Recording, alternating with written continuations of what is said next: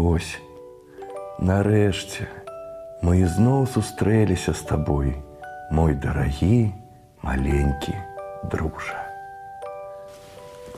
Надышоў ужо час адпачыць мне ад падарожжаў і расказаць табе новую, цікавую, незвычайную гісторыю, у якой ёсць месца простым цудам.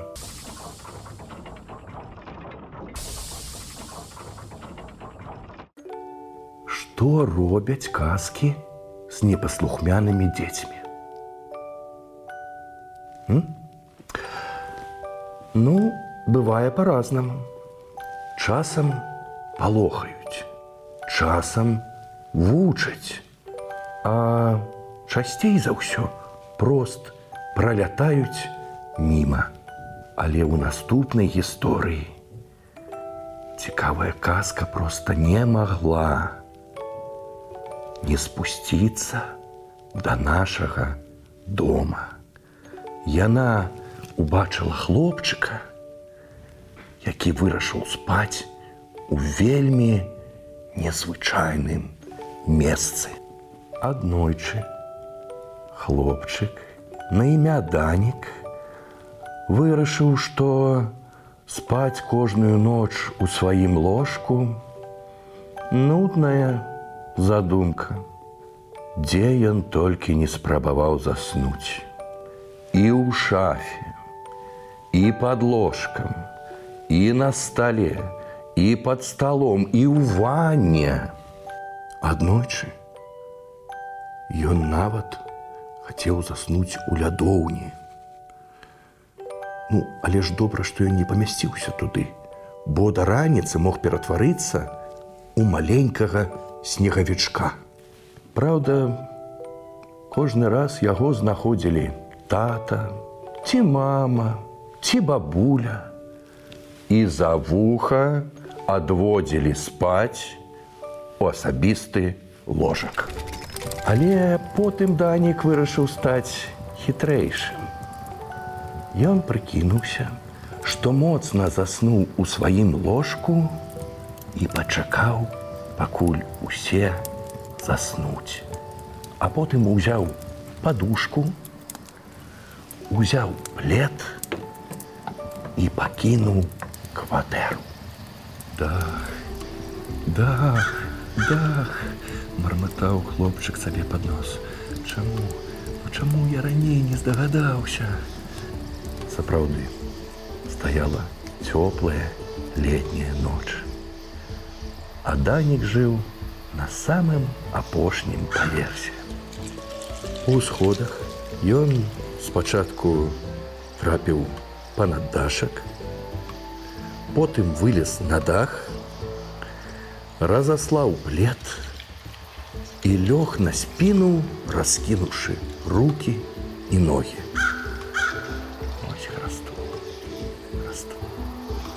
Думаў ён, гледзячы на зорнае неба ніхто табе не перашкаджае.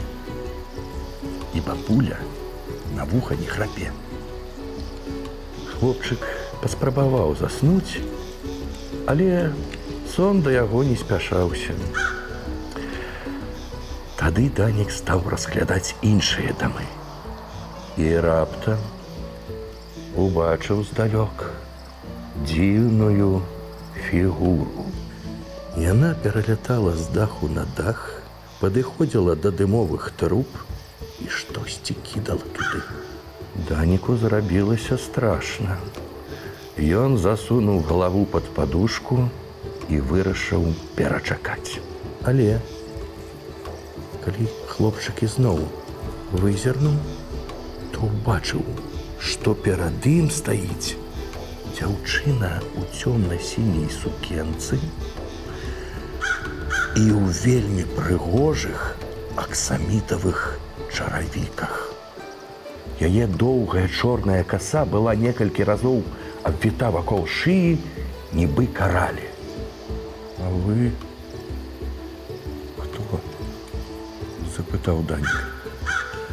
Я адна з дачок ночы адказала дзяўчына. Фея сну. Так мяне клічуць. А, а што вы робіце на даху? Прыношу сны дзецям.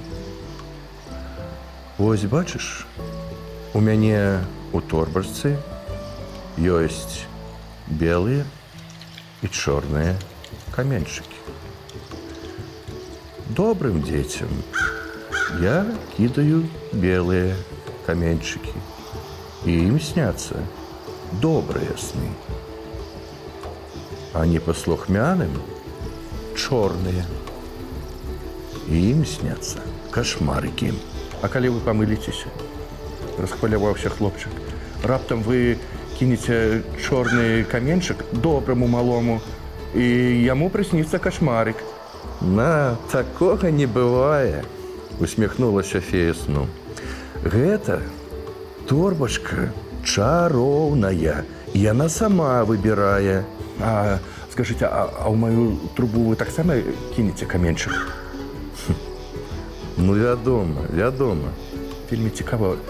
А, а магу я зараз паглядзець. Фея сну дастала з торбы каменчык і ён аказаўся чорнага колеру. Ну уже не, пакрыўціўся хлопчык. Я не люблю дрэнныя сны. Мілая фея, можна мне яшчэ адзін. Але другі каменчык таксама быў чорны. Вось вы робіце гэта знарок. Ледзь не расплакаўся данік. Зусім не, адказала фея. Паглядзі сам. Яна развязала шароўную торбачку і данік убачыў, што ў ёй толькі чорныя каменьчыкі. А белых зусім няма. Але чаму? здзівіўся ён. Зараз паглядзім. Дзяўчына выцягнула з рукава сваёй зорнай сукенкі маленькую кніжку, разгарнула яе і ўважліва прачытала. Зразумела, усміхнулася яна, ты шкодны неслухмяны хлапчук уцёк на дах бацькам нічога не сказаў. Уяўляеш як яны спалохаюцца калі раніцой не знойдуць цябе? Якія могуць быць прыемныя сны пасля такіх фокусаў? Ой, што ж рабіць? Скажите а, а ці магу я як-небудзь гэтае становішча выправіць? З надзеяй спытаўся данік. Ты паспрабуй. Вяртайся ў свой ложак. Можа, чароўная торбачка і перадумае. Хлопчык развітаўся з фею сну і спусціўся ўніз. У ложку было так цёпла і утульна, што ён падумаў: сапраўды, чаго гэта я раптам вырашыў залезці на дах, але потым данік не вытрымаў. Ён паціху пролез да печкі, адкрыў юшку і ўбачыў там белы каменчык.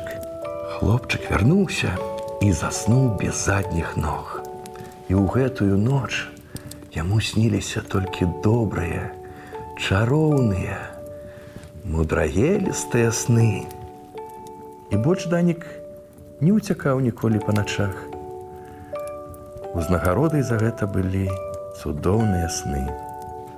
Толькі потым фею сну ён уже ніколі не бачыў. Хаця вельмі часта па вечарах сядзеў ля вакна і падоўгу падоўгу глядзеў на дахі суседніх дамоў. Клапаціся, Клапаціся пра тых, каго ты любіш і якія любяць цябе.